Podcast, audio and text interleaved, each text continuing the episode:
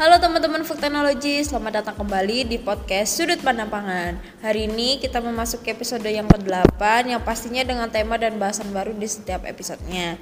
Nah, biar makin akrab, kita bisa kenalan kali ya. Kenalin nama aku Salsabila Rahma Putri dari angkatan 2022 yang dikasih kesempatan oleh teman-teman Ristek untuk menjadi host di podcast episode yang 8 ini.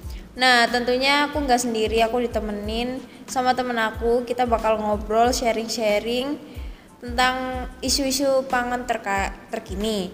Nah siapa ya kira-kira? Langsung aja ya kita sapa. Halo Yesa. Halo Salsa, halo semuanya. Nah sebelumnya boleh banget nih kamu kenalin dulu ke KMTP biar semua tuh lebih mengenal kamu.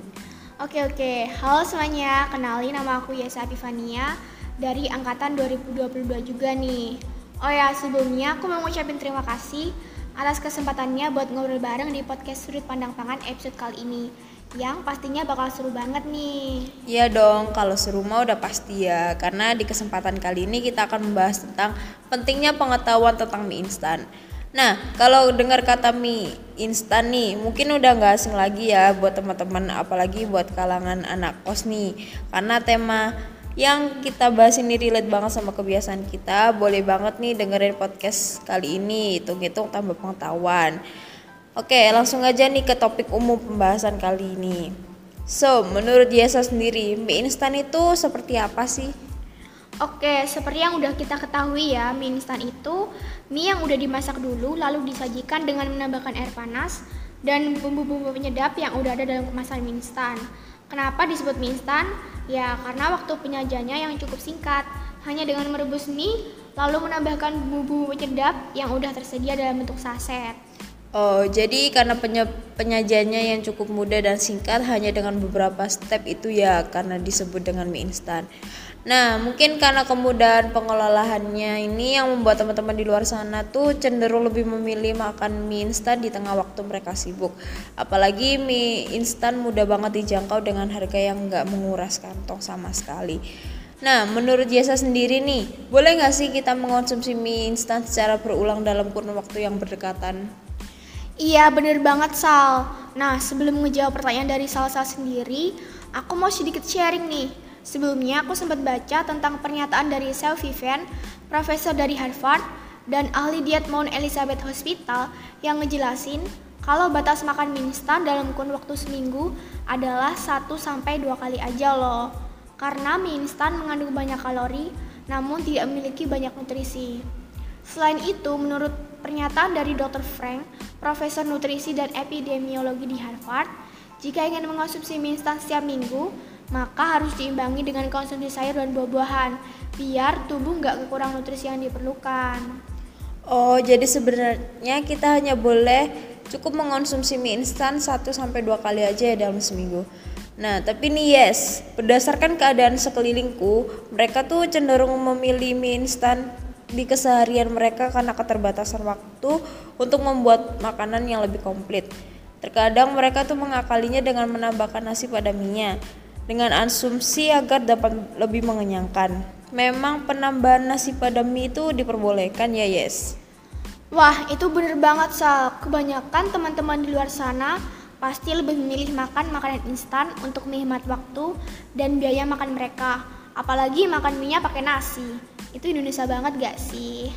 E, namun diperlu diperhatikan juga nih Sal, konsumsi mie instan yang dibarengi sama nasi punya dampak yang kurang baik buat tubuh kita loh. Mie dan nasi merupakan makanan yang sama-sama mengandung karbohidrat. Saat mengkonsumsi karbohidrat terlalu banyak, menimbulkan rasa kekenyangan yang berlebihan. Nah, karena kekenyangan, keinginan untuk makan lagi berkurang sedangkan kita masih membutuhkan nutrisi lain seperti protein, lemak, vitamin, sampai mineral.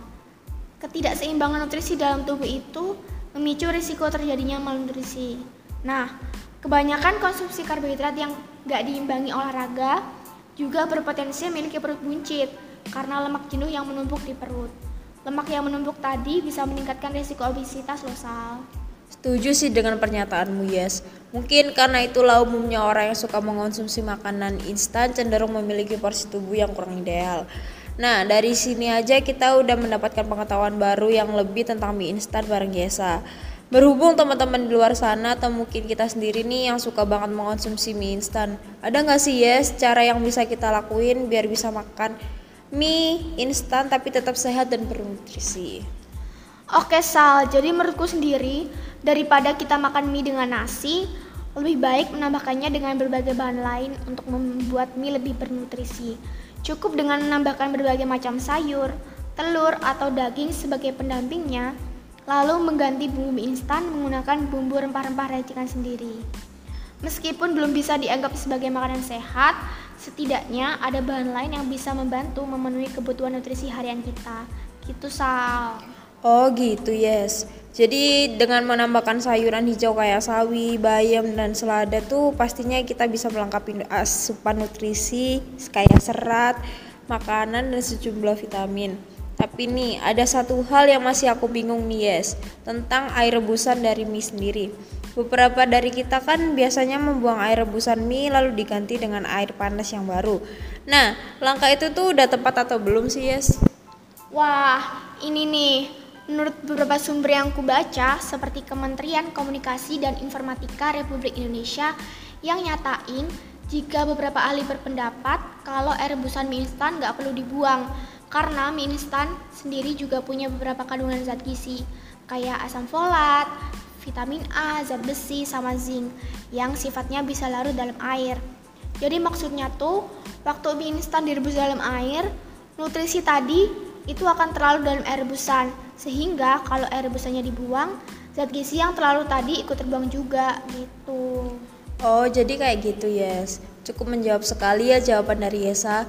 Nah sampai di tahap obrolan ini aku terasa lebih paham nih apa sama apa sih instan sendiri terus batasan kayak gimana ini kenapa kebiasaan makan mie yang dibarengin nasi tidak dianjurkan karena ada dampaknya sampai bagaimana pengelolaan mie instan agar tetap menjadi makanan yang bernutrisi untuk tubuh dan tentunya fakta tentang air rebusan mie yang ternyata nggak perlu dibuang. Banyak banget nih pengetahuan baru yang aku dapetin dari Yesa kali ini Nah, menurut aku juga udah cukup banyak informasi yang bermanfaat dari podcast episode 8 ini karena rasa penasaranku udah terjawab dan kayaknya udah cukup ngobrolnya. Mungkin sampai di sini dulu kali ya. Makasih banyak untuk Yesa udah mau sharing bareng kita di podcast episode 8 ini. Iya, sama-sama Salsa. Aku juga ngucapin terima kasih banyak ke Departemen Ristek karena diberikan kesempatan untuk bisa sharing bareng sama kamu di podcast kali ini. Sama-sama ya, Sa. Nah, oke teman-teman, mungkin pertanyaan-pertanyaan tadi udah cukup terjawab dengan adanya diskusi kita di podcast episode kali ini. Tapi tenang aja, karena Departemen Ristek juga akan menghadirkan tema podcast yang lebih seru lagi. Jadi, buat teman-teman KMTP yang mau berbagi opini juga seperti kita, bisa langsung menghubungi salah satu teman-teman dari Departemen Ristek untuk diundang ke podcast episode yang berikutnya. Bisa melalui Instagram atau personal chat di WhatsApp. Makasih buat teman-teman yang udah dengerin podcast kita kali ini dari awal sampai akhir. Sampai jumpa di podcast Sudut Pandang Pangan episode berikutnya ya. See you next time. Bye bye.